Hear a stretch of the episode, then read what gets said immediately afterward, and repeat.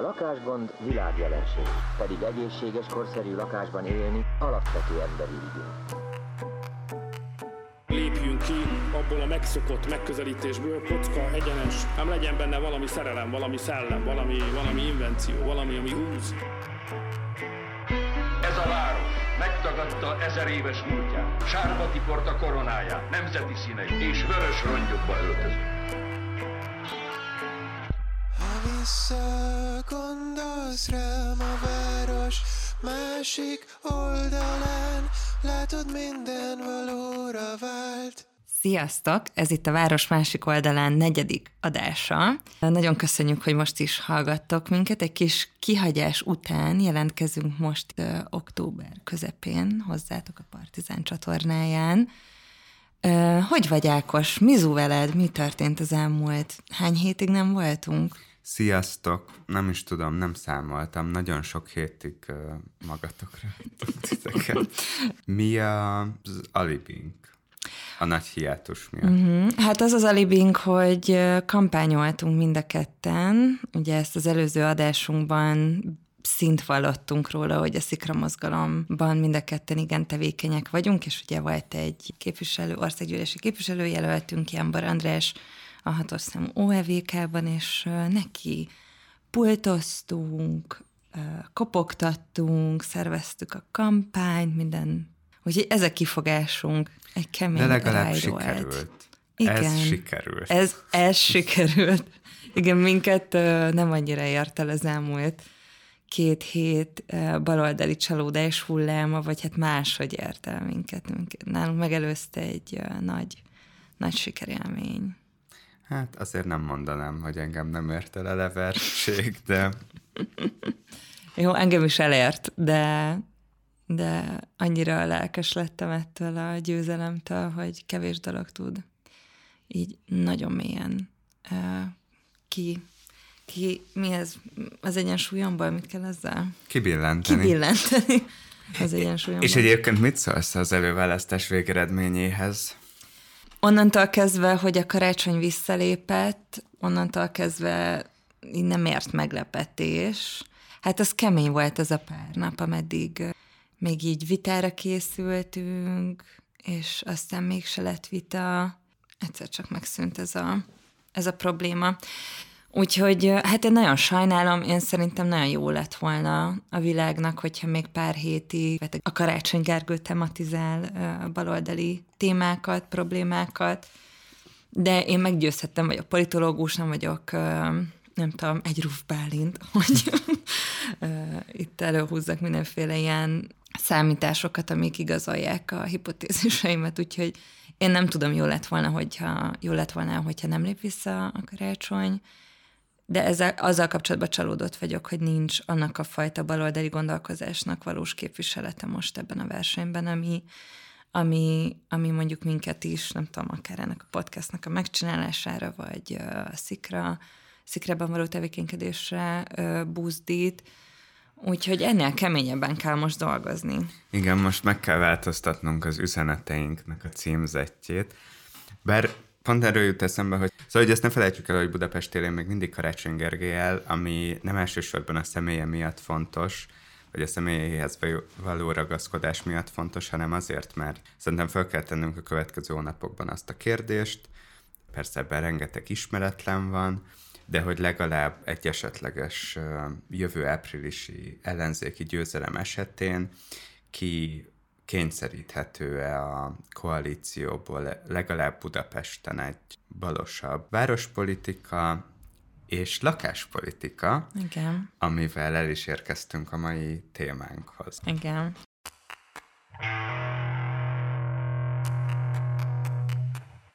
mert az előző adás után gondolkoztunk, hogy milyen olyan téma van, ami egy kicsit, tehát hogy ami, ami az embereknek egyszerre izgalmas, kicsit megosztó, és ettől fogva inherensen politikai téma. És így jutottunk el a, a panel és a lakhatású válság témájához. Mondjuk cserében ez is hát meglehetősen népszerű téma, mert hogy mondjuk az utóbbi 10-15 évben volt egy ilyen új típusú felfutása az érdeklődés, vagy egy ilyen új típusú érdeklődés mind nem tudom, szélesebb, mm. a szélesebb közönség körében, mint pedig a, az ilyen várossal, építészettel, építészettörténettel foglalkozó szakmai körökben is ugye volt a Transmodern nevű, nem is tudom, platform, uh-huh. volt talán a legmarkánsabb képviselője ennek, hogy fedezzük fel újra ezt a, mondjuk azt egyenlőre, és aztán majd ezt dekonstruáljuk, de hogy a szocializmusnak a, uh-huh. a késő modern építészetét, amiben a, a panel is Igen. beletartozik. És hát ugye emellett meg van ennek egy ilyen populárisabb a retro lászhoz és hullámhoz kapcsolódó, nem tudom, ilyen érdeklődés, meg, meg nosztalgia panelek képviselte, vagy reprezentált mm-hmm. a korszak iránt is. Szóval, hogy sokan, ezt csak azért mondtam, mert hogy sokat beszéltek, beszéltünk a panelekről, egy csomó reprezentációja jelent meg ennek a korszaknak a popkultúrában is, és hogy szerintem így ezt csatornázzuk be egyrészt történeti, mm-hmm. másrészt meg ilyen rendszerkritikai értelmezésekbe is, hogy mi is a panel. Akkor most mehetnénk egy kört esetleg azzal, hogy csak hogy legyen mi, miről visszakötnünk aztán majd a történelmi kontextusra, hogy mondjuk neked milyen volt a panel asszociációd, ameddig nem ö, lettél építész, vagy ameddig nem változott meg így a panelekhez való, te ugye Dunaújvárosi vagy, úgyhogy szerintem egy ilyen, neked valószínűleg egy picit más a kapcsolatod. Hát, igen, uh-huh. az, az otthon volt, vagy hogy Uh-huh. Vagy na, hogy ez annyiban sajátos, de hát nyilván több millió ember lakik panelekben, ugye 800 ezer ilyen technológiával épült lakás van Magyarországon, uh-huh. több millió ember lakik panelekben, vagy legalábbis uh-huh. panelek környékén, vagy határozza meg ez a fajta millió a városról alkotott képüket. Nyilván ez, egy, ez intenzívebb volt tényleg Dunajvárosban, nekem ugye erről már beszéltünk, hogy eleve hiányzott, vagy egy ilyen távoli vágykép volt az, hogy a, az így a történeti városnak uh-huh. a, a minőségét azt megélhessem a hétköznapokban. Szóval, ja, hát az, az, az elsődleges asszociációm az az otthon volt, Aha. de azt mondjuk nem mondanám, hogy ez, ha az ember egy ennyire intenzíven ezek által a házak által kijelölt vagy meghatározott közegben nő fel, akkor az ilyen romantikusabbá vagy uh-huh. szentimentálisabbá tett, tenne, vagy tett uh-huh. volna ezek iránt, házak iránt pont az bennük az érdekes, hogy olyan, hát ilyen nyers erővel, meg őszintességgel mutatják meg azt, azt a voluntarizmust, mm. azt a szélsőséges technologizáltságát az építészetnek, ahogyan ezek épültek. Szerintem mindenki, vagy nem tudom, mi gyerekkorunkban is belaktuk ezeket a tereket, de tudtuk, hogy mi a baj uh-huh. ezekkel a terekkel. Igen. Na igen, és nagyon hasonló nekem is a tapasztalatom a konkrétan a panellel, és akkor még nem beszéltünk magáról a lakótelepről, mint élményről, de hogy nekem is ez volt a, a én, is, én panelba születtem, Óbudán, és a Káposztás megyeri lakótelepen, és ez egy ilyen tök érdekes nem tudom, tapasztalat volt, például a gazdag rétei lakótelepi barátnőimmel általános iskolában, hogy, hogy fent iszonyú meleg van télen. Amikor bekapcsol a fűtés, és akkor fent ilyen elviselhetetlenül meleg van, az alsó emeleteken meg iszonyú hideg, és ez ilyen teljesen természetes volt, és ezt mindenki tudta, de senki nem akart, nem tudom, így elköltözni. Tehát, hogy egy, egyik barátnőmnek a családja sem mondjuk beszélt arról, hogy így azonnal elköltözünk, mert ezt nem bírjuk elviselni, ez egy ilyen része volt az életnek, azt hiszem, hogy így az emberek tudták így a strukturális problémákat, de uh-huh. például gazdagrét az egy kifejezetten magas státuszú, Igen. vagy ilyen vágyott lakótelep volt. Ez is ugye érdekes, hogy a Igen. lakótelepek között is volt egy ilyen hierarchia. Yeah. Ja, egy, az én egyik legközelebbi barátom is ott nőtt fel uh-huh. részben a gazdagréti lakótelepen. A templomnál? Tök, vagy azt közel, nem tudom pontosan, az a templom az annyira hol. furcsa. Igen. Én, azt, én nem is jártam a körül, csak a, az M7-esről, ahogy uralkodik. Ja, ja, ja. Onnan közvetítenek katolikus miséket a Pax tévén, ennyit tudok Igen. az egész országban, mert a nagyanyám mióta a csúnya Dunajvárosi templomban nem hajlandó már mm. elcammogni, azóta ott nézi a misét. Ah. Na, ö, szóval, ja, szóval, hogy a, a barátom is mm-hmm. tök szívesen emlékszik vissza a, a gazdagréti Jó, akkor lehet, hogy ez egy ilyen gazdagréti dolog, hogy onnan azért még se költözik el az ember akármilyen... Na, de hogy mi a különbség a panel és a lakótelep között, meg mi valójában a panel, mi a lakótelep. Térjünk át erre a, a részre.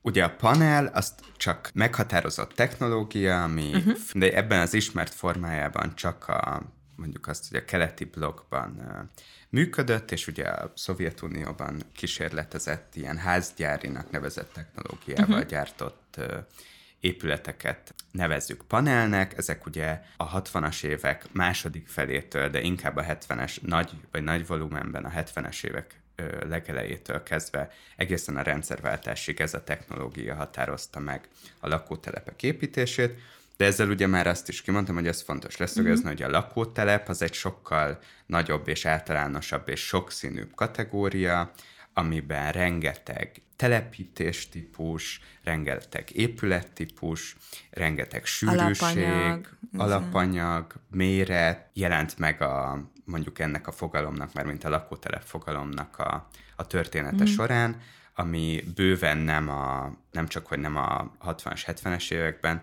de még csak nem is a második világháború után, hanem tulajdonképpen a 19. század mondjuk utolsó harmadától kezdve megjelent a, a modern urbanisztikai gondolkodásban a lakótelep. Igen. ja, és ez, ez szerintem egy dolog, ami ami így összefonódik az emberekben, mert annyira rossz hagyatéka lett igazából a panelnek, ami igazából ugye ez az előre gyártott... Nem, majd az Instagramra uh-huh. majd rakjunk ki egy videót. Készült egy angol nyelvű ilyen oktatófilm, Aha. egy gyerekjátékon keresztül, vicces vágásokkal, hogy a kisgyerek a kis modernista, előre gyártott és modern mm. bútorokkal berendezett nappaliban összeépít egy ilyen házat, uh-huh. egy mhm. ilyen nagyon szép fröccsöntött készletet kap, és közben nézzük az építési folyamatot. És ez egy tök egyszerű dolog, ugye említettem a házgyárakat, ez arról szólt, hogy ezekben a gyárakban futószalagon gyártották mm ezeket a paneleket, amit uh-huh. mindannyian láthatunk. És ezek a házak yeah. tulajdonképpen kártyavárként ezekből az elemekből ö, épültek föl, de a panel egyik legnagyobb problémája, hogy pontosan az, hogy ezek az elemek ö, egyszerre teherhordó, mm-hmm. minden egyes elem teherhordó elem. Ez csak azért fontos, mert ez azt eredményezte, hogy, viszont, hogy nagyon merev az elosztása ezeknek a lakásoknak, és ezeket a házakat nagyon nehéz adaptálni Igen. új funkciókra, új konf- konfigurációkra, ugye. Ja, és hogy így futószalagon jöttek mm-hmm. ki ö, tulajdonképpen ezek az elemek, amit aztán a helyszínen hát minden korábbinál gyorsabban és kevesebb munkaerővel mm. ö, össze lehetett állítani elég Igen. gyorsan. Ezért van egy ilyen nagyon könnyen átlátható különbség a panelek és a, a lakótelepek között, mégis ez a két fogalom, ez, ez történelmileg így egybeszövődött, és így elválaszthatatlan a kettő egymástól. Mi, mi valójában a lakótelep? Akkor beszéljünk erről, meg milyen más példákat tudunk mondani lakótelepre, ami nem a panel, de mégis úgy történelmileg, meg, meg nyilván építészet ideológiailag is elődje, vagy egy ilyen prekurzora a paneleknek. Ilyen egyik első ilyen tipikus lakótelepele a Vekerle telep. Hát Budapesten. Budapesten, igen. igen. Ja, bocsánat, igen, most ilyen Magyarország. Ja, abszolút. Nem, hát ugye itt csak annyit, amit már többször is leszögeztünk, hogy a nem tudom, magyar gazdaság, meg társadalomfejlődés megkésettsége, az ebben is érvényesült. Nálunk ugye a századforduló után jelentek meg az e- telepszerű kislakás, uh-huh. kislakásépítési programok. Talán a legnagyobb első ilyen politikai paradigmaváltás, uh-huh. amikor egy ilyen reformista városvezetés került a Budapest élére, az a Bárciék uh-huh. féle önkormányzat vagy városvezetés volt, és ők hajtották végre az addigi legnagyobb vonul- mm. volumenű hatósági Lakás. lakásépítést. Mm. Vekerle telep az egy, hát első fecskéje és ilyen mm. minta telepe lett annak. Egyébként sok szempontból folytatás nélküli, mert aztán ilyen ö, léptékű és kidolgozottságú, vagy lakótelep nem is épült elég Mhm. sokáig utána. Na de a Vekerléről azt kell tudni, hogy ugye ez kifejezetten a, a Garden City, tehát a kertváros Mhm. ö, modellt honosította meg. Ami egy Angliából, m, igen, hazahozott, áthozott uh, urbanisztikai gondolat. Modell, tulajdonképpen uh-huh. ugye egy diagram. Igen. amit egy Ebenezer Howard nevű brit csávó talált ki, aki egyébként nem volt építész sem urbanista, és ugye itt az a központi gondolat, hogy gondoskodni kell a, a munkásosztálynak és a tisztviselő középosztálynak a lakhatásáról.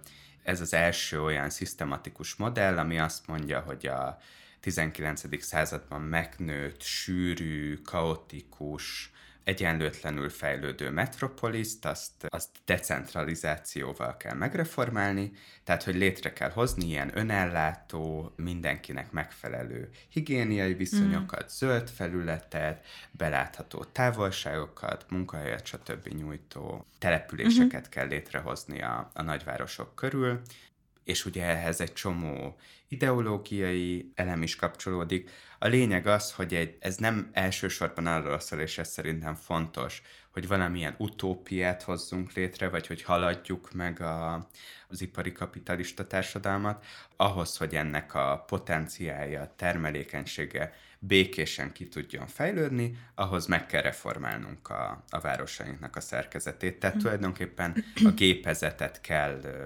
megreformálnunk mm. ahhoz, hogy hatékonyabban működhessen. Ez nagyjából, amit most elmondtam, ez az egész modern urbanisztikának igen. az alapvetése egészen igen, a 70-es igen. évekig.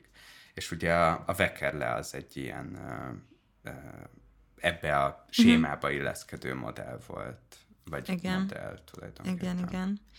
Még szerintem az is érdekes, hogy, hogy így a korai telepeket is nem véletlenül hívták kolóniának, ugye kolóniának az a definíciója valahol, hogy egy ilyen önálló, valamilyen szinten elszigetelt, és inkább befelé funkcionáló egység.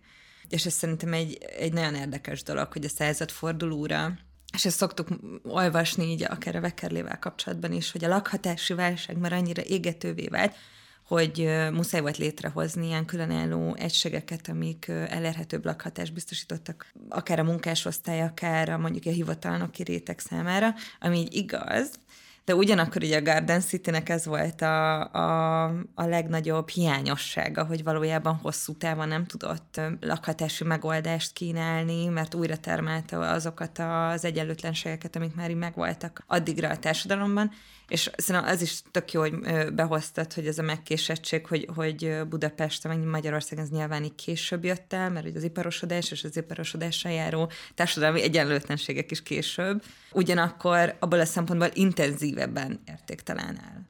Budapestet, hogy talán felkészületlenebb is volt rá a városvezetés ezeknek a problémáknak a megoldására, és ugye ezt már beszéltük így a megkésettséggel kapcsolatban, hogy a megkésettség az nem csak az, hogy valami így valamilyen globális trend, gazdasági, kulturális, akármilyen trend, az később éri el, ami felperifériás kulturális közegünket, hanem, hanem azt is jelenti, hogy mire ideér addigra már van egy ilyen rákompenzálási nem csak narratíva, hanem egy ilyen reakció, és szerintem a lakhatási válság az tipikusan egy ilyen példa, hogy mire ideért, vagy mire így kialakultak itthon azok a lakhatási problémák, amik ugye a, az, hogy ez a dilemma, hogy nincsen elég lakás, vagy a meglévő lakások olyan rossz állapotúak, hogy nem lehet bennük lakni, vagy van elég lakás, és van elég jó állapotú lakás, de túl ö, gyorsabb a vidékről Budapestre vagy a fővárosba ö, érkezőek száma, hogy nem tudja elletni a főváros.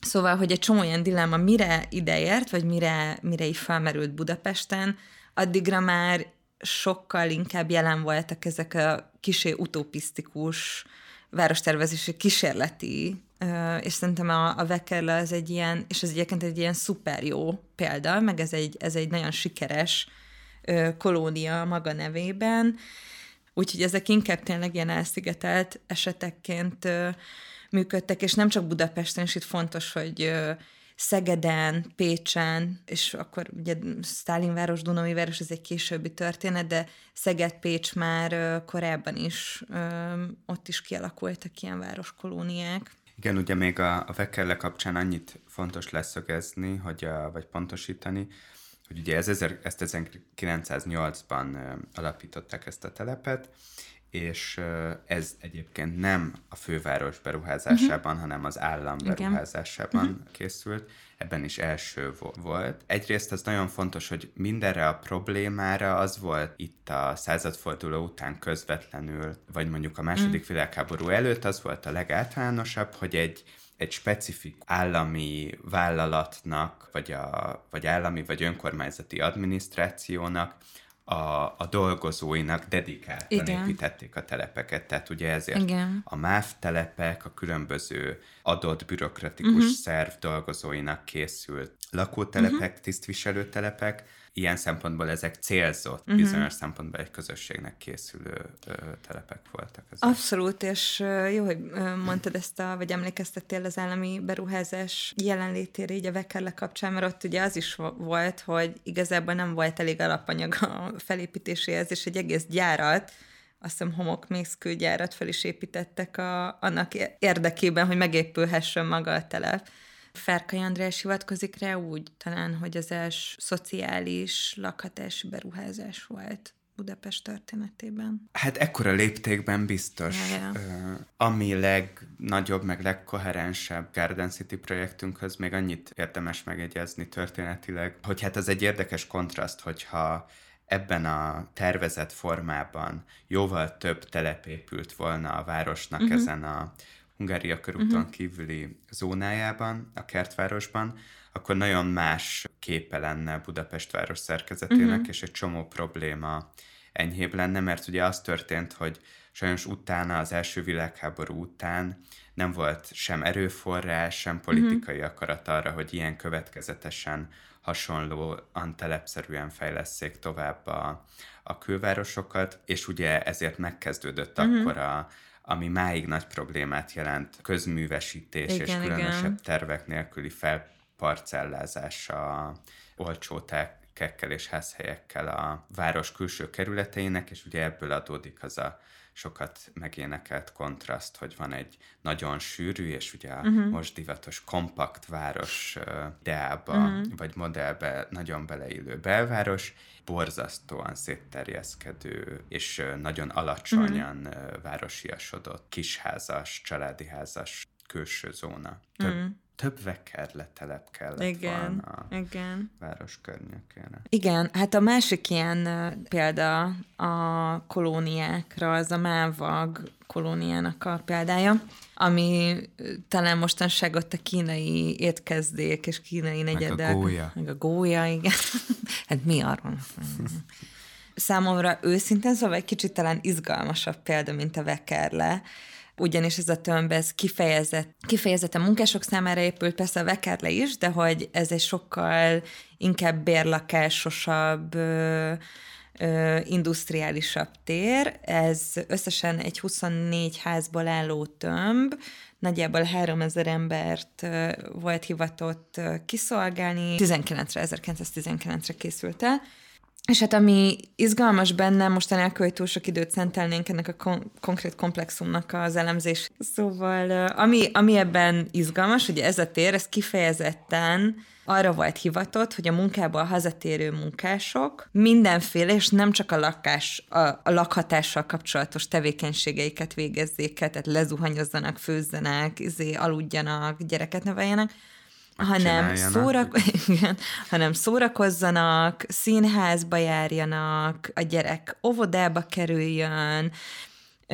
tehát egy csomó olyan tér volt, ami... Ne a kocsmába menjenek, Igen. hanem közösségi és kulturális uh-huh. tevékenység. Tehát volt közös mosókonyha, volt közös étkezde, volt, volt, a tiszt, volt külön tisztviselői emelet, vagy szóval egy külön része, ami a tisztviselőknek volt, és egy hatalmas ilyen színházterem, ami ilyen különböző más funkciókat is töltött már be a történelme során. Ez ebből a szempontból szerintem egy ilyen izgalmasabb kísérlet, vagy egy, egy tényleg egy ilyen különlegesen izgalmas kísérlet, máshol nem is tudom, hogy megjelente ennyire határozottan ez a fajta ilyen meghaladási vágya, és, és, és ezt is mondtad az elején, hogy ez a meghaladás, mm, vagy hogy, hogy, hogy a meghaladásra való igény szokta informálni ezeket az új építészeti vagy várostervezési trendeket, és hogy ebben az esetben ez, ez teljesen jól kitűnik, és, és amúgy tök jól működött a forrásaink alapján ez a, ez a kolónia, egészen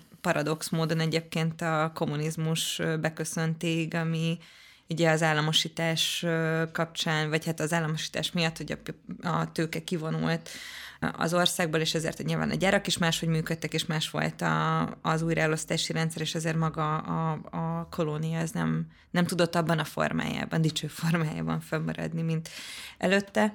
Erőtszerűen, nagyon sűrűn uh-huh. beépített tömb, ez egy engem is jobban érdekel abból a szempontból, mint a kertváros, hogy ez egy nagyon markánsan urbánus válasz a lakásépítésre, vagy erre az egész lakás problémára.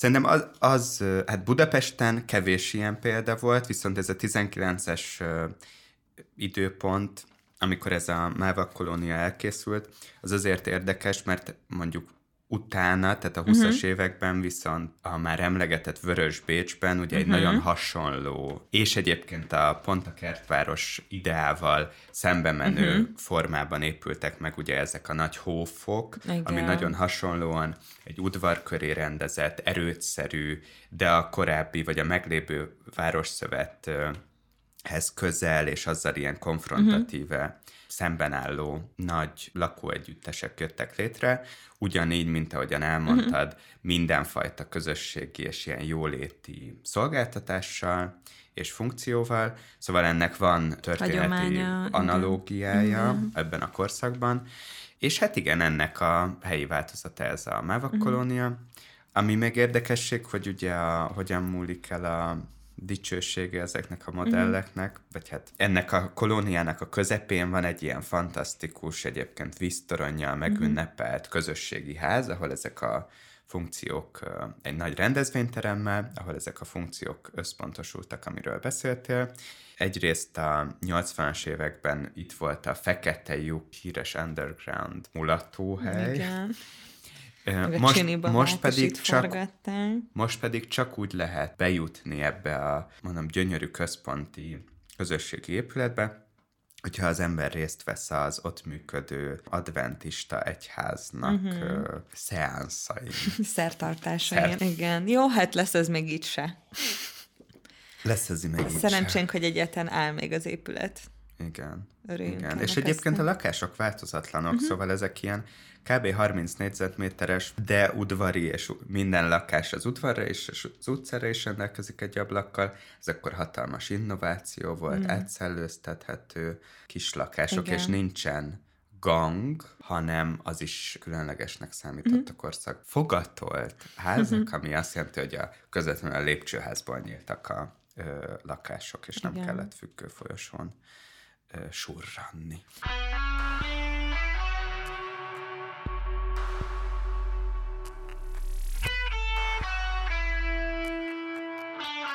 Térjünk át szerintem a következő történelmi korszaknak a lakhatási helyzetre való megoldási stratégiáira. Mi a következő a történelmi időszakunk? Az a kommunista hatalom átvétel utáni periódus, az 50-es évek, ami érdekes módon egy szűk, bő tíz év alatt igazából egy ilyen nagyon könnyen megkülönböztethető, és egyébként furcsa módon arányaiban azért ritkásan megtalálható lakótelepépítési modell indult be, vagy szóval, hogy nem ez reprezentatív a lakótelepekről elsősorban, Ugyanakkor azok a lakótelepek, amik ebben az időszakban épültek, mint Nagy Lajos király útjai, lakótelep, ami ugye Zuglóban van az ősvezérterétől nem messze, ezek egész jól bírják az idő vasfogát. Mit gondolsz? Igen, engem a szociálnak nevezett uh-huh időszak az 50-es években, és ami ugye a Szovjetunióban már a 30-as évektől kezdve kibontakozott, az mostában különösen érdekel, bizonyos szempontból jobban, mint a késő modern vagy modernista lakótelepépítkezések. Borzasztóan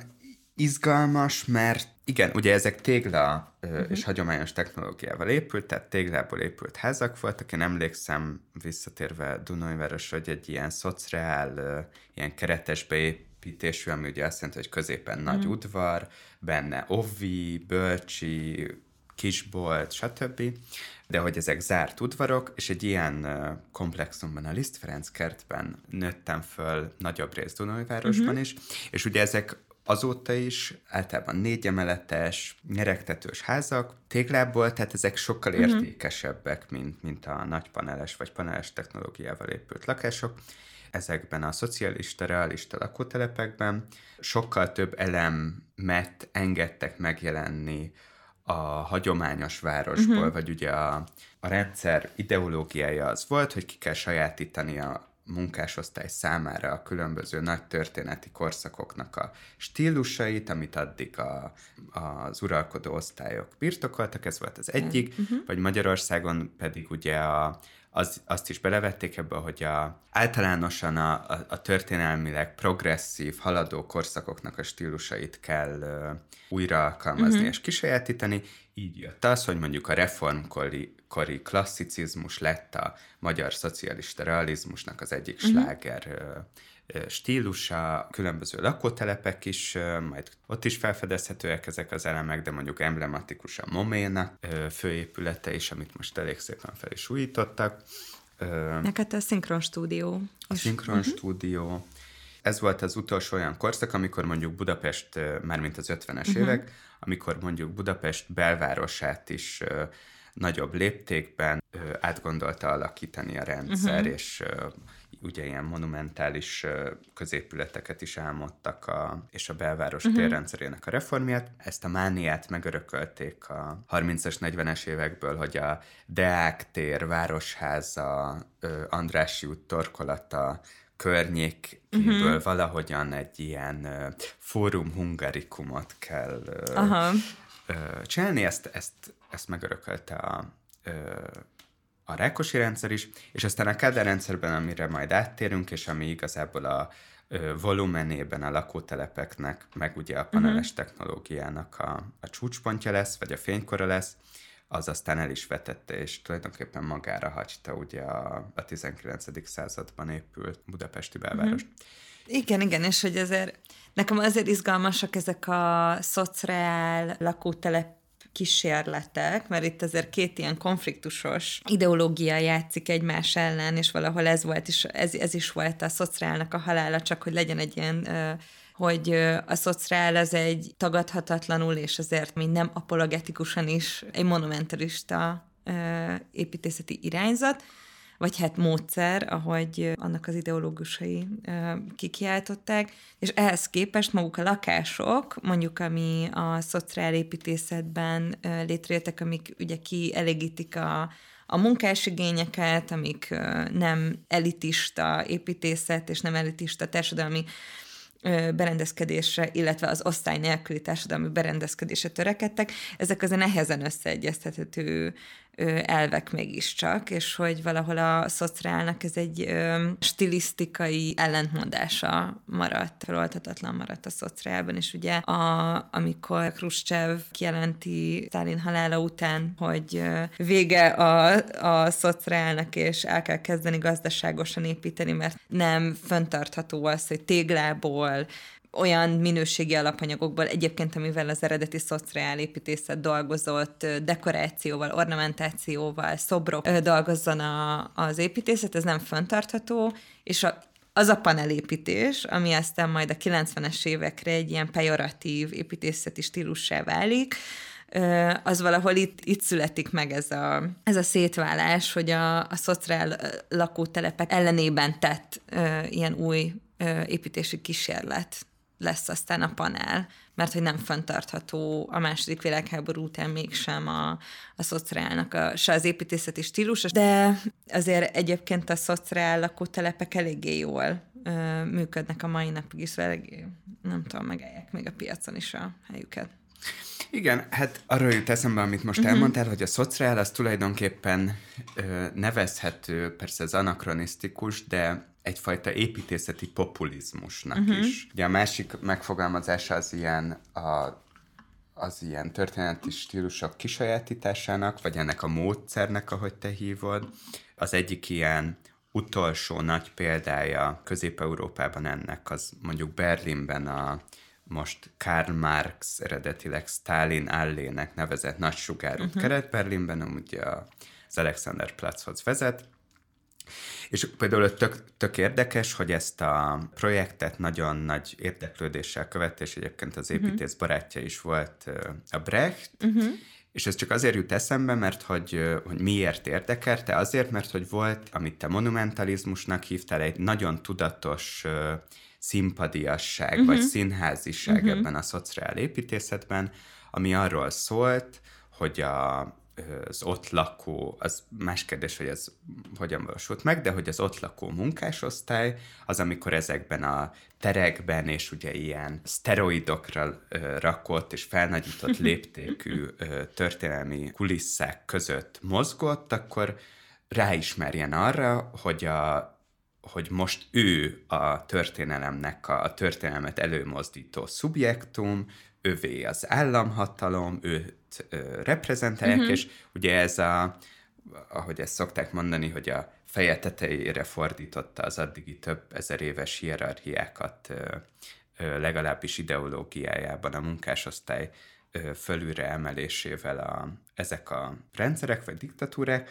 Ennek az építészeti eszköze volt itt a, uh-huh. az 50-es évekig ez a fajta szociál építészet, hogy az osztálytudatot ezen a fajta ilyen stílus kisajátításon keresztül is növelje. Ez az egyik értelmezés, a másik pedig az, hogy ami miatt aztán a 70-es években a, egyébként a posztmodernnek a megjelenésével újraértékelték pár évtized utána, ugye, ahogy mondtad, mm-hmm. a megtagadott uh, szociált, mert hogy ez ez egy populáris mm. építészetet teremtett egyszerűen. Most az előbb itt felvázolt ideológia nélkül is könnyebb azonosulni ezeknek a olvashatóbb ez uh-huh. az építészet, mert ismerős elemeket tartalmaz. Uh-huh. A városban mindemellett, hogy egyébként ezek ugyanúgy lakótelepek voltak, tehát igen kismértékben uh-huh. tértek el az ilyen modernista elképzelésektől urbanisztikai elképzelésektől, meg modellektől. Tehát ugye uh-huh. ott is hatalmas zöld felület, jobban megjelennek a hagyományos utcák, de azért alapvetően feloldódnak a házak, sokkal kisebb a sűrűség. Ja. Igen. Itt ilyen re- rendszer szintű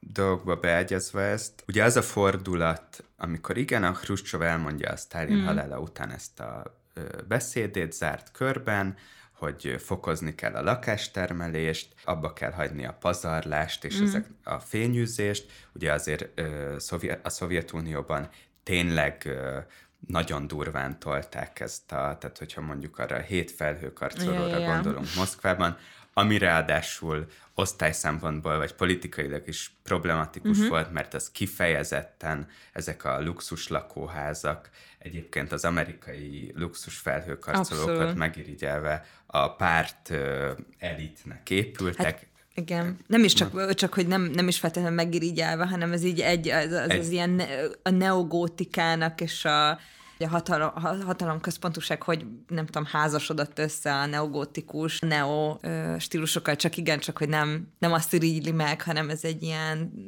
intandem folyamat volt, hogy... Hát persze, csak azt, azt arra mondom, hogy abban azért azok tudatosan használt és elirigyelt modellek voltak, persze tök más mm. kontextusban, hogy hát hogyha itt verseny van a két pólus között, akkor nyilvánvalóan nekünk is tudnunk kell ilyen felhőkarcolókat mm. építeni. Szóval, hogy így a, a stilisztikai kérdéseken túl, bár szerintem azok is fontosak, meg a, ez a, az építészetnek ez az ilyen szimbolikus mm. vagy nyelvszerű használata, de ugye a politikai gazdaságtana ennek az egésznek az azért érdekes, mert hogy itt miről volt szó ezzel a hruscsovi fordulattal, ami után ugye elkezdődött a, ez a fajta házgyári háztermelés a Szovjetunióban, meg ezeknek a technológiáknak a felpörgetése, az az, hogy ugye az 50-es évekre és erre a szociál időszakra úgy érdemes tekintenünk Magyarországon. Ez arra jutott eszembe, hogy mondtad, hogy jóval kevesebb ilyen lakótelep van, és tényleg a Rákosi rendszer az sokkal kevesebb lakást épített, és nem tudta egyáltalán kielégíteni, mert mint hogy dinamikájában uh-huh. sem tudta volna hogyha így folytatja kielégíteni a, a, laká, a hatalmas lakásigényt, de hogy ez nem pusztán technológiai akadály uh-huh. volt, nem pusztán, hanem ez egy tudatos politika is volt, mert ugye tulajdonképpen megismételte a, ez, ö, nyilván ez volt az egyik oka ö, a sok egyéb ok közül a forradalomnak is, uh-huh. hogy ő megismételte ugye tulajdonképpen a, az ilyen kapitalista elsődleges felhalmozásnak az időszakát, az állami erőforrásoknak a döntő többségét azt az iparosításba, tehát a termelésbe uh-huh. fektette bele, és a, mondjuk a fogyasztásba és a, az élet újratermelésében, uh-huh. aminek ugye része és kerete a lakhatás is, abban sokkal kevesebbet investált. Igen. És azért mondom, hogy megismételtem, mert ugye az egész lakhatás kérdéséhez és a lakótelepek problémájánál azt meg kell említenünk, hogy ugye a 19. században is arról van szó, hogy mondjuk az első kétharmadában szó sem volt arról, vagy nagyon lassan ismerték föl azt, hogy a lakhatási válságra valami fajta szisztematikus megoldást kell nyújtani, és egész egyszerűen a rendszernek a működését és az integritását mm. fenyegeti az, hogyha a nagy városba áramló tömegeknek a lakhatásáról ö, valamilyen ö, nagy léptékben nem gondoskodik a rendszer. Uh-huh. De hogy, ez, hogy ezt azért fontos hangsúlyozni szerintem, mert a, ugye itt most a panelek kapcsán uh-huh. a, a szocializmus lakótelep építéséről beszélünk, és a lakótelepekhez Magyarországon még mindig nagyon erősen kapcsolódik, hogy ezek valamiképpen sajátosan a szocializmushoz kapcsolódnak, uh-huh de erről szó sincsen, hiszen a lakhatási válságra adott ilyen léptékű és eddig leghatékonyabb válasz a lakótelepépítéssel, az a kapitalista centrumországokban is nagyon hasonló uh-huh. formákban mhm. történt. Uh-huh. Már a második világháború előtt megkezdődött ennek ugye a fölfutása ott, és aztán uh-huh. nyilván a háború utáni újjáépítésben és a, a jóléti állam kiteljesítésében pedig különösen. Uh-huh. Tehát, hogy azt akarom ezzel csak mondani, hogy a lakótelep, mint olyan, az ugyan, az nem ilyen szocialista vagy kommunista ja, ja. sajátosság, hanem a világrendszer adott, vagy a kapitalizmus egy adott történeti uh-huh. periódusában a világ minden pontján, persze eltérő léptékben és formában, de egy, egy megoldási modell volt. Azt hiszem, még az első epizódunkban beszélhettünk talán arról, hogy hogy how funny, hogy nincsen nem kapitalista városkép így a fejünkben, és hogy a, a, az urbanizáció, vagy hát a városiasodás az alapvetően összefonódik a kapitalizmus történetével, és hogy nincs igazából példánk arra, hogy hogy, hogy lehet jól várost építeni, fejleszteni, anélkül, hogy a, a piaci logikát kivennénk valahogy a, a képből. És azért is tök jó, hogy ezt a kérdést behoztad, mert valójában a szelényiéknek egy ilyen kritikája, például a, a szocialista újraelosztásban a lakásrendszerrel kapcsolatban, hogy ott egy csomó minden megmaradt a piaci elvek alapján, egy csomó olyan jóléti piaci elem, az öltözködés, a szórakozásnak egy csomó fajtája megmaradt, ugye, ami nem alanyi jogon jár az embereknek, hanem pénzt kell érte adni, és annak különböző árai vannak a szektoron belül, és tehát, hogy ebbe a, a, a politikai gazdaságtanba az is beletartozik, hogy, hogy a lakás a kommunizmus és a szocializmus alatt, illetve annak egy bizonyos ö, időpontjáig, a 70-es évekig nem nem áruként, hanem az áru kategóriáján fölül helyezkedett el, mint juttatás, ami kitermelt egy újfajta társadalmi egyenlőtlenséget, ami kifejezetten a szocialista országokra jellemző, és ami nem úgy tűnt, hogy fel fogja oldani, a, vagy hát a, a kapitalizmus által kitermelt társadalmi egyenlőtlenségben konkrétan a lakatással kapcsolatos ö, problémákat, de végül nem, nem ezt érte el a, a lakásrendszernek az a fajta államosítás, amiben lakás kiutalások történnek, hanem teljesen új társadalmi egyenlőtlenségeket eredményezett, aminek az egyik formája, vagy az egyik eredménye például az, hogy az új lakásoknak a kiosztása az továbbra sem a munkások életét segítette elő, hanem jobb anyagi helyzetből a középosztály felé tendáló ö, társadalmi osztály részesült ezekből a, az újraelosztási javakból. Ugye az 56-os forradalom után különösen, de valójában már az 53-as váltásnál, mm. amikor az első Nagy Imre kormány Igen. volt, ugye már ott felmerült az a fogyasztásba, a lakhatásba, és egyáltalán mm-hmm. ugye mhm. az életszínvonal növelésébe többet kell beruházni az államnak, és ugye ez a forradalom után különös erővel tulajdonképpen berobbant az iparfejlesztés mellé, mint konszolidálódó Kádár rendszernek uh-huh. a emblemati policie, mert mint uh-huh. a a lakhatás, vagy a lakás kérdésnek, ahogy akkor ugye hívták, a megoldása, a mennyiségi megoldása, uh-huh. tehát ugye a lehető legnagyobb mennyiségű lakás legrövidebb idő alatt való termelése. Az 1960 és 75 közötti első 15 éves nagy lakásépítési program, amiben egy millió lakást akartak fejleszteni, uh-huh. mai kifejezéssel, életszínvonal emelésnek, meg ilyen jóléti állam kísérletnek, ami itt nálunk zajlott, de ami ugye abszolút tükörképe volt a nyugati országokban kiépülő jóléti államnak és az ottani lakáspolitikákhoz is sok szempontból hasonló volt, az egyik alapvető eleme lett a, a kádári társadalompolitikának. De amiben különböző volt, és amire te is utaltál, hogy ugye itt tényleg megszüntették az ingatlan piacot, mint olyan, hm. tehát a különböző területek, földterületek értéke, a és egyáltalán az ingatlan állomány értéke az nem piaci módon dölt el, hanem ugye a különböző tervutasításoknak, városfejlesztési terveknek, beruházási érdekeknek uh-huh. megfelelően, plusz hát ne feledjük el, hogy ugye a lakásépítésben is az alkuk rendszere, uh-huh. a különböző pártszervek, állami szervek, vállalatok között a sok szempontból azt, hogy milyen formában épültek meg a lakótelepek, azt ezek között a a hierarchia meg a struktúra különböző pontjain egymással veszekedő és, és alkudozó vállalatok, tervhivatalok, mm. stb.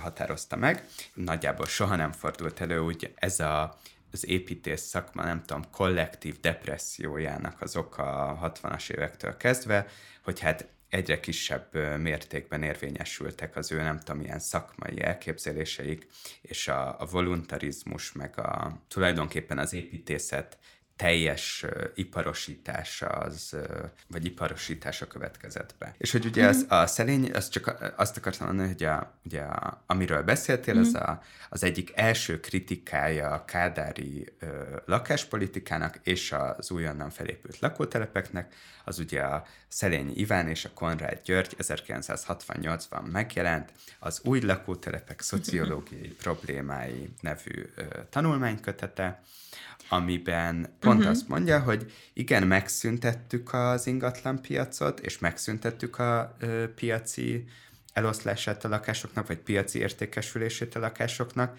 de hogy a lakás kiosztásnak Igen. a mechanizmusa... Hát az administratív... Az administratív mechanizmusa, az ugyanúgy nem a munkásosztályt részesíti előnyben és a valóban rászorulókat, hanem a, a hatalom érdekeinek mhm. megfelelően a magasabb státuszú értelmiségi uh-huh. vagy, vagy szakmunkás elitet részesíti uh-huh. előnyben a lakás kiutalásnál, és ebből a szempontból ugye elárulja a rendszere a saját Igen.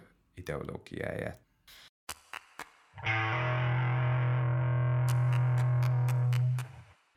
Az, ami a keleti blogban a szocializmus lakóparkjai által minősített időszak, ami nyugaton pedig a, a jóléti állam elbukásának a szimbólumaként kezelt ö, időszaka. Abból a szempontból tényleg egy történelmi időszaknak a lezárta. Ugye a nyugatnak a, a jóléti államigérete mond csődöt, közép-kelet-európában és a Szovjetunió egészében pedig a szocializmus mindenféle formái mondanak csődöt a lakhatási válság kérdésén belül. És akkor ebbe csurog bele valahogy a posztmodernnek az építésze, amire most nem kell így konkrétan beszélnünk, csak hogy, hogy megszületnek az újfajta lakóparkok, amik kifejezetten és vállaltan nem telepek, hanem parkok, tehát őt ilyen névváltoztatás is van, még véletlenül se keverje össze az embere a telepet a parkkal. És hát a, én szerintem a posztmodernek ebben egy szerepe van, hogy ezek hogy néznek ki ezek a lakóparkok a lakótelepekhez képest. És abban is nagy szerepe van a posztmodernnek, hogy amiről már beszéltünk, ami a posztmodern kapcsolata a fogyasztással, hogy, hogy lényegében elvetésre került a 90-es évekkel az a gondolat, hogy a lakhatás az más funkció kiszolgáljon a közösségi rész, ez teljesen elvetésre került, szép lassan így ki is íródott az építészeti gyakorlatból az, hogy ami ugye a mávak telepen ilyen ideál, idealisztikusan, kicsit utopisztikusan megjelenik. A 90-es évekre teljesen eltűnik ö, lényegében az építészet és a, a lakótelepek építészetéből, és marad ez a csupasz lakás, lakás, és akkor bedobok ilyen uh, irodalmi, vagy ilyen szakirodalmi izé, uh, szavakat, mint a vonung és a, a lakás közötti különbség, ami az, hogy az egyik az élettered, a másik meg csak a hely, ahol élsz, hogy hozzunk erre néhány példát, vagy így beszéljünk akkor egy picit a lakóparkokról, hogy miben mások a lakótelepektől, tudunk-e jó példákat mondani. A lakóparkok szerintem ez így van Magyarországon is, talán kevésbé extrém módon, mint, mint nem tudom, ennél még, még egyenlőtlenebb, még konfliktusosabb társadalmakban. Szóval hogy talán kevésbé, de hogy nálunk is alapvetően a lakópark az sok szempontból ö, rosszabb laksűrűséget, mert mint hogy nagyobb laksűrűséget, kevesebb zöld felületet, rosszabb építési minőséget, kisebb, satnyább lakás ö, tipológiát ö, tud nyújtani. Mint? Mint a lakótelepek. Uh-huh. Ettől függetlenül valóban arról van szó, hogy egyrészt ö, értelmezhető úgy a maga zártságával uh-huh. és szolgáltatásaival, mint egy olyan speciális vagy specializált életmódot és élményt és uh-huh. fogyasztói identitást kínáló dolog, tehát egy kicsit olyan, mint egy pláza, amiben lehet lakni. Egyébként a szolgáltatások is ilyenek, ugye a Szépségszalon. Szépségszalon, gym. Mondjuk az a lakótelep, mert mint hogy a panel lakótelepek aljában is van egy csomó igen, ilyen. Igen. Ezért. Igen, csak ugye itt az a különbség, hogy a, még az sincs, bár a szépségszalon az nem jó példa, de hogy egy csomó olyan szolgáltatás van egy ilyen lakóparkban, amit kizárólag a, az ott lakók használhatnak, tehát a város az nem uh-huh. mosódhat be a, a lakóparkba. Uh-huh. Az, e, ez ugye egy ilyen rossz értelemben vett sziget uh-huh. a városban. Ugye ez, a, amit így a 2000-es években splintering uh-huh. urbanismnek hívtak, ami azt jelenti, hogy a, hogy létrejönnek ilyen ö, fogyasztói enklávék és uh-huh. ilyen ö, ö, gated community a városban, és tulajdonképpen a város, mint, mint egy ilyen közös alap, uh-huh. az, az lehetetlenné válik, és a különböző fogyasztói törzsek azok így elkülönülnek uh-huh. ilyen uh, szigorúan elzárt övezetekbe, és hát nyilván uh-huh. ott a, a társadalom többsége meg kimarad ezekből, vagy kizáródik ezekből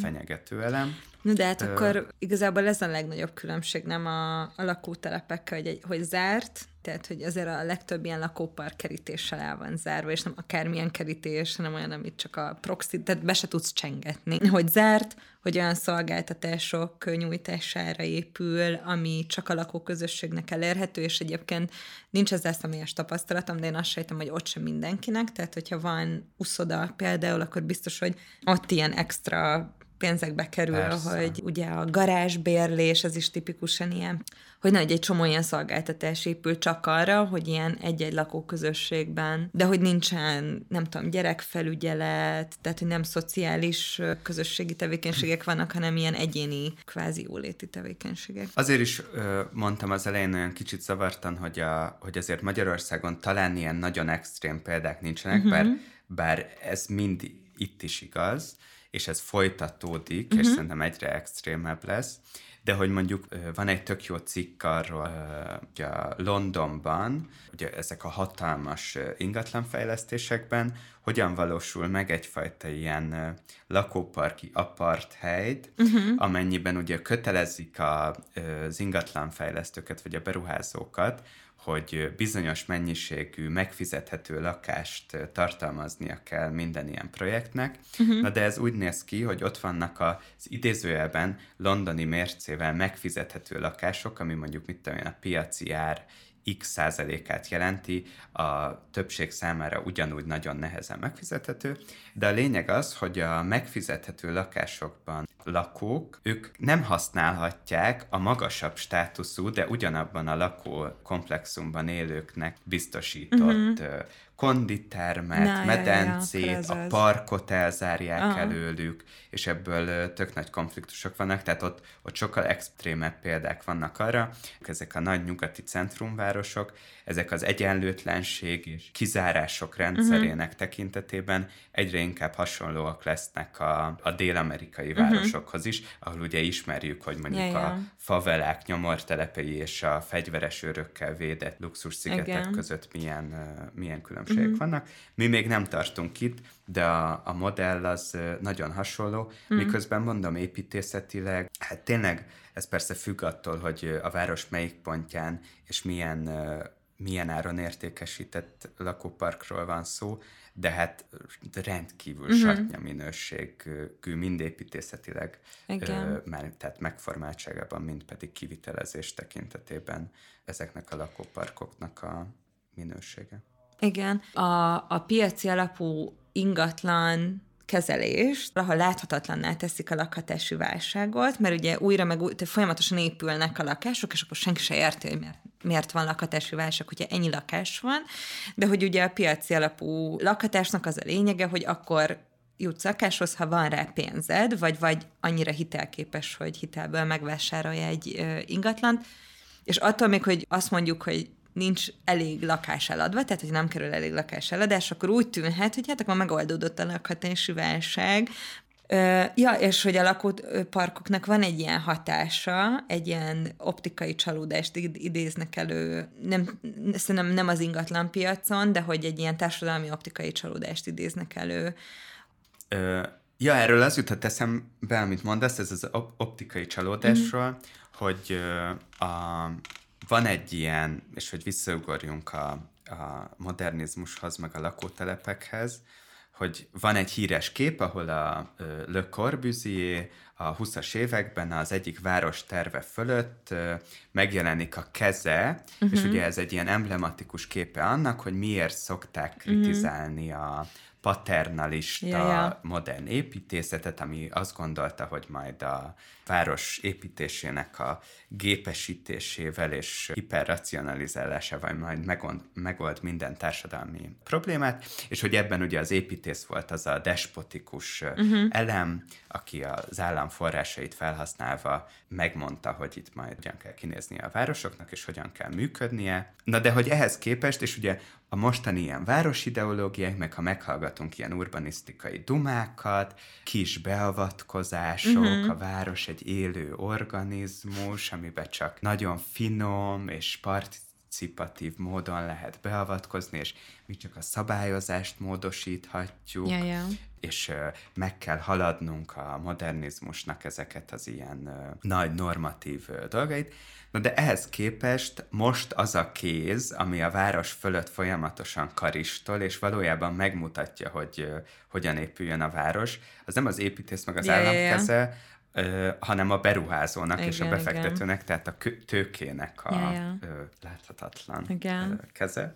És hogy ez hozza létre ezeket az optikai csalódásokat, hogy miközben egyébként láthatóan hatalmas tömegű, elképesztő mennyiségű vasbetont felemésztő lakóparkok és ingatlanfejlesztések és új városközpontok uh-huh. épülnek. Ettől függetlenül a lakhatási válság nem enyhül, Igen. mert az árak azok tovább inflálódnak. Igen. Egyébként olyan mértékben, hogy mostani kormányból a, egyetlen egy ember szólt ki a hivatalos vonalból, még tavaly azt hiszem, és ez nem más, mint Matolcsi György barátunk, aki a... Barátunk?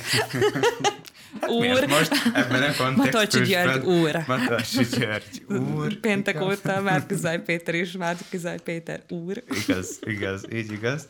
Tehát Matolcsi György jegybank elnök úr, aki a maga egyenes módján, egy tiszta pillanatában a 2014 óta tartó lakáspolitikáját a Fidesznek azt úgy, ahogy van, kudarcnak uh-huh. ítélte, mert hogy ugye ez csak a keresletet és ráadásul a középosztálybeli keresletet pörgeti ezekkel a, a különböző uh-huh. család, meg otthonteremtési támogatásokkal, és hogy ehhez nem járul a bérleti szektornak, vagy a bérlakás szektornak a támogatása, nincs nincsen lakásépítés, ő persze nem tehát ezt piaci, meg ilyen különböző mm. monetáris szabályozásokkal, meg ösztönzőkkel változtatná meg, de például ott elhangzik az, hogy addig nem lesz Magyarország versenyképes, amíg nem közelítünk Ausztriában, Ausztriához abban is, hogy mondjuk amíg, hogy nálunk 80%-os Budapesten a lakástulajdonlásnak az aránya, Bécsben meg ugye 20% nagyjából, mm. és hogy a, a versenyképesség persze ebbe a diskurzusba illeszti, miatt okay. hatékonyabban kell ö, megfizethető lakhatást biztosítanunk. Mm-hmm.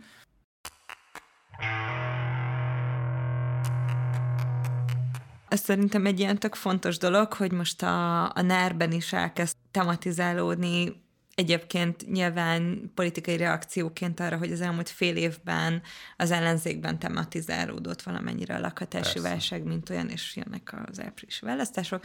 Most már az Index is megírta, úgyhogy már az új Index is megírta, hogy ez most már tényleg sürgető, hogy a középosztályt is elérte a lakhatási válság, és feljön a már sokat emlegetett PMC kérdés, tehát, hogy amikor van egy olyan probléma, ami már a középosztályt érinti, akkor válik igazából társadalmi problémává, és mindaddig mindaddig egy ilyen obskúrus dolog, ami a politikusoknak a feladata, hogy eldöntessék a szemünk.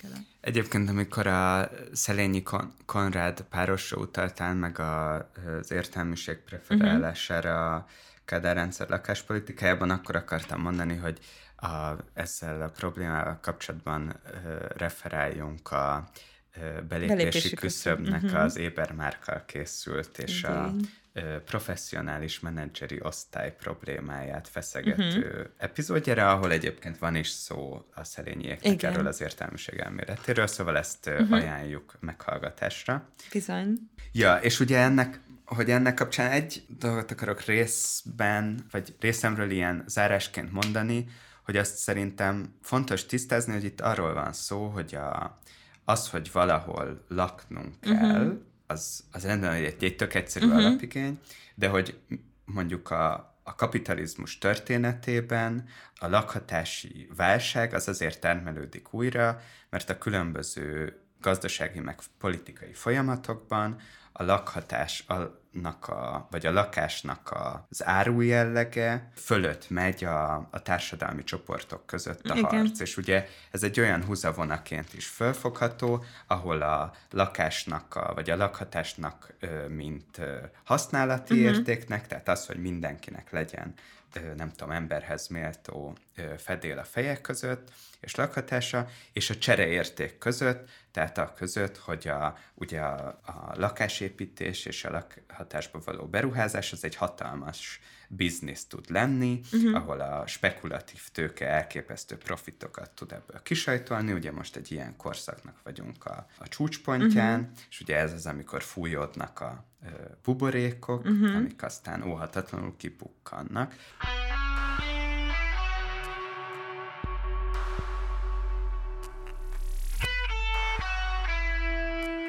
Elérkeztünk a szegmens blokkhoz, ami eredeti terveinkkel ellentétben most utolsó pillanatban mégiscsak megváltoztattuk, és úgy döntöttünk, hogy legyen az előző adásból átöröklött zenei szegmens. A szegmens eddig az első adáson kívül a mi a kedvenc, mi volt? Mi a kedvenc hitaton kívül, uh-huh. eddig mindig az volt, hogy megváltoztattuk az utolsó pillanatban, hogy mi a szegmens. Jó.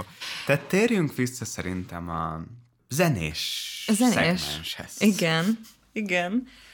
És nagyon örülök, hogy így döntöttünk, mert pont azon gondolkoztam, hogy hogy fogom behozni a kedvenc lakótelepi tematikájú dalomat. És mi a kedvenc lakótelepi tematikájú dalod? A kedvenc lakótelepi nótám a 100 fok Celsius-tól a lakótelep című dal, nem tudom, hogy a generáción képviselői mennyire ismerik a 100 fok Celsius, nekem a szüleim sokat hallgatták talán. Én bevallom, hogy nekem kimaradt ez a dolog. Igen, de Igen. hogy ismered a Hát majd, hogyha most megmutatod, akkor lehet, hogy... Ez nem egy híres hallottam. nóta egyébként. Deep cut. Deep cut, igen, egy kicsit. De ez egy, ö, ö, egy együttes ö, a Kádár korszak végéről, akik ilyen magyarosított tematikájú country zenéhez hasonló zenét toltak, és, és akkor hallgassuk meg a Lakótelep című dalt. Mehet? Mehet. Egy földszintes ház volt az otthonom, a nap áttűzött a nyíló lombokon, Igaz, repedések szőtték át az öreg házfalát, de a borostyán benőtte ablakát. Csak két szomszédunk volt az udvaron, és a kutyán öreg volt nagyon, de virág nyílt a kertben és a fán,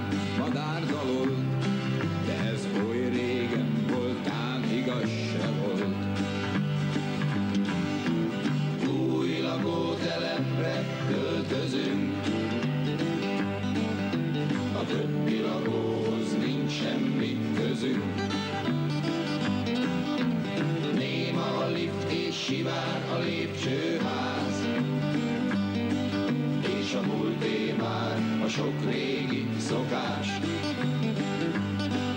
De tíz emelet fölött ott az ég, látom még.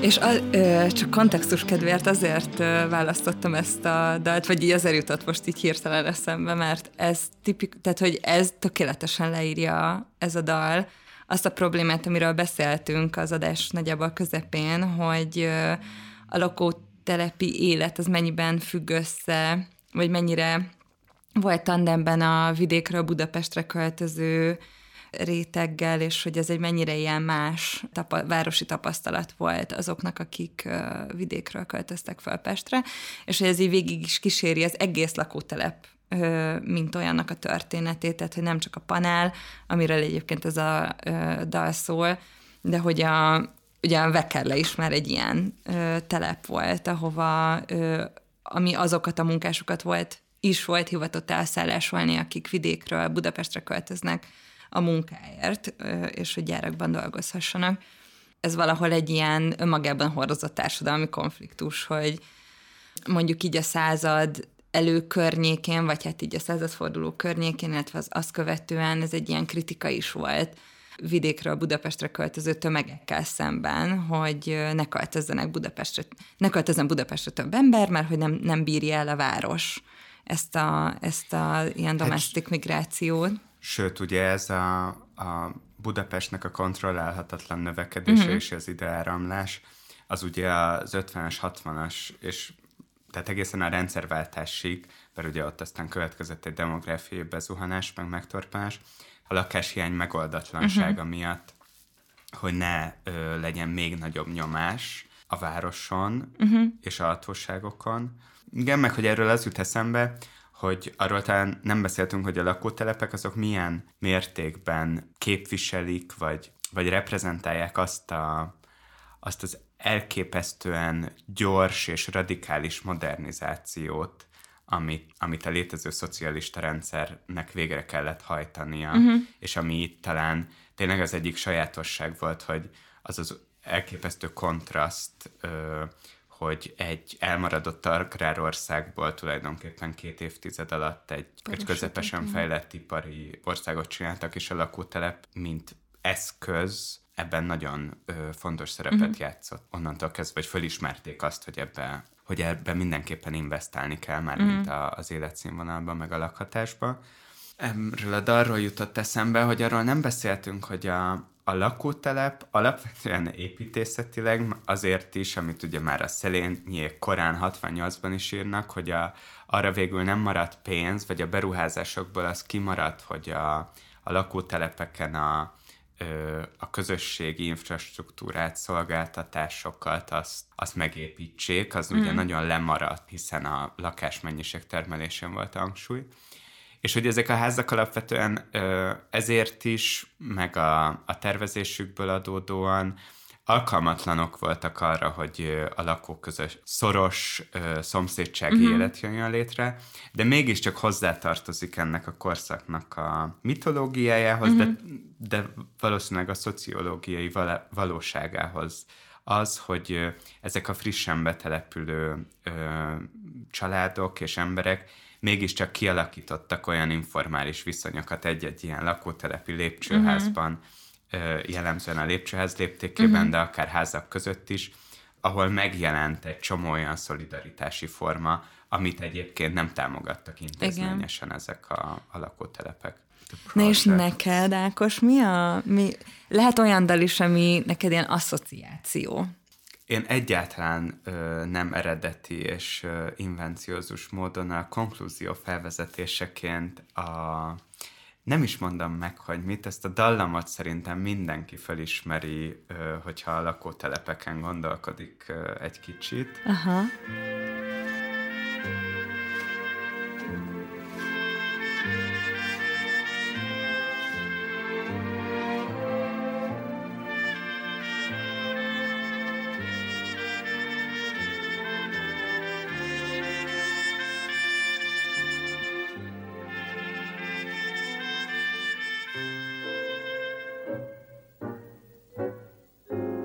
Köszönjük, Ákos, ez egy nagyon jó választás volt, remek asszociáció. Rendben, akkor zárjuk le. Wrap it up. Zene. Pum, pum, pum, pum.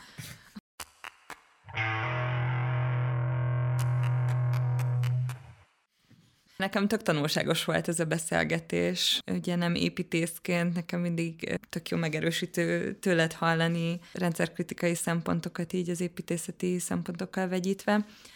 Szerintem, ami még izgalmas, és talán nem kell rászánunk túl sok időt, amivel készültünk is egyébként, így a panelházaknak ez a, a sablonemberre, az ideális sablonemberre alakított képe, ami egy izgalmas ilyen városiasodással kapcsolatos téma, ami például ilyenekben is megjelent, hogy a, nem tudom, hogy máshol is volt-e, ezt lehet, hogy tudnom kéne, de azt tudom, hogy a Dunai, Dunai városi, illetve Sztálin városi lakásokhoz járt ilyen lakáshasználati útmutató, amit te mutattál most a napokban, és eszembe jutott, hogy az én nagyszüleimnél is, akik szintén, a apukám még Sztálin városban született, és, és nekik is volt egy ilyen kézikönyvük, ami kifejezetten természetesen a házi asszonyokhoz szólt, mint a háztartás rendezői és menedzselőihez szólt. Ja, és hogy ezt szerintem ez egy ilyen érdekes, nem tudom, mm, városfilozófiai kérdés, hogy lehet-e így sablonosítani az élettereinket, lehet-e egy állandóan változó és újabb és újabb problémákat, és most a klímaválsággal lesz szerintem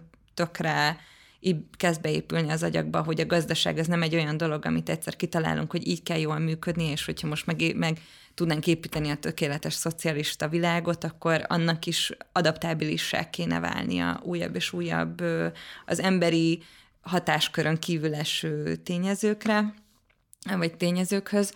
Úgyhogy ez szerintem egy izgalmas kérdés, amit a lakótelepi élet az így az ember agyának a hátuljában állandóan fölvet, hogy tudunk-e ugyanolyan életterekben, ugyanolyan életminőségben élni, felszámolhatóak-e a társadalmi különbségek az építészetnek ezen formáján keresztül, akkor is, hogyha ehhez kiépül egy olyan politikai kultúra, amiben a szociális hálók kiépítése például kiemelt szerepet kap. Igen. Szóval a, a lakótelepek ö, örökségével kapcsolatban szerintem azt kell egyrészt politikailag és történetileg leszögeznünk, hogy a lakótelepeknek a fénykora mondjuk így a 20. század közepén durván, az, az egy olyan kivétel volt, amikor a szervezett munkásosztálynak a politikai kényszerítő ereje és alkupozíciója olyan szintet ért el, hogy egyszerűen a, az egész rendszert kényszerítette arra, hogy ezzel ilyen léptékben kelljen uh-huh. foglalkozni,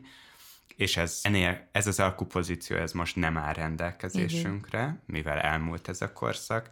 Egyrészt megszűnt ebben az értelemben vett szervezetmunkásosztály, más pedig elmúlt az a fordista termelési mód, amiben értelmezhetőek pontosan ezek a sablon életkörülmények, tehát a politikai tanulságot azt meg kell tartanunk, uh-huh. hogy, és persze most is léteznek, és ezekből inspirálódnunk kell olyan lakhatási mozgalmak az egész világon, de a közelünkben is, amik azon dolgoznak, hogy megpróbáljanak olyan új társadalmi koalíciókat létrehozni, amik ki tudják kényszeríteni azt, hogy a lakhatási válságot mérsékeljük, uh-huh. de hogy a, a lakótelepekkel kapcsolatban azt el kell ismernünk, hogy soha nem látott mennyiségű embernek javították meg az életkörülményeit, uh-huh. ugyanakkor viszont tényleg az a fajta paternalizmus, az a fajta ilyen konvencionalizmus, és az az ilyen, nem tudom, atomizált termelői és fogyasztói uh-huh. lét, amit ezek mind nyugaton, mind pedig a keleti blokkban minden különbségük ellenére egységesen sugaltak és propagáltak, azzal kapcsolatban viszont kritikusnak kell lennünk, tehát ugye tudjuk ezeket a a munkás kilövő állások, ezek mm. a sztereotípiák igazak abból a szempontból, hogy ezek, hogy ezek a lakótelepek korábbi városnak és városi életnek bizonyos szempontból a felszámolására törekedtek. Itt mire gondolok? Arra, hogy azt az ilyen teremtő sokféleséget, rugalmasságot és kiszámíthatatlanságot, ami a, hagyományosan a, a városok sajátja, mm azt föl akarták számolni, és a különböző életszférákat és élettevékenységeket, amiket a városban ugye közösségben végzünk, azt egymástól elkülönítve uh-huh. ö, időben és térben ö, egy nagyon szigorú és merev ö, ö, rendet ö, tartottak ideál, társadalmi ideálnak és próbáltak megvalósítani. Tehát ezzel az örökség szerintem kritikusnak kell lennünk. Uh-huh ennek a lakhatás, nagy történeti lakhatási projektnek, amit a lakótelepek képviselnek, az univerzalizmusát, mm. azt, viszont, azt viszont továbbra is fönt kell tartanunk célként.